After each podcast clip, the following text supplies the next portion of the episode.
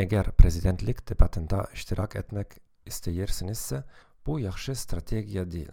Rakibiniz tez kaçabilirse ve etrafınızdaki insanlarda yaşık tesürat yaratmak isteyirsinizse bu en yaxşı strateji olmayabilir. Rehberinizle veya hayat yoldaşınızla münakişiniz varsa bu çok faydalı olabilir. O size hücum edir. Elave tenkitten kaçmaya çalışmak evezine diğerini size karşı akla sıkmaz bütün tenkitleri söylemeye teşvik edersiniz. Bunu aktif şekilde edersiniz. Benim hakkımda senin esibileştiren her şeyin bu olduğuna eminsen, bu niye iş rakibimize empatiye gösterir.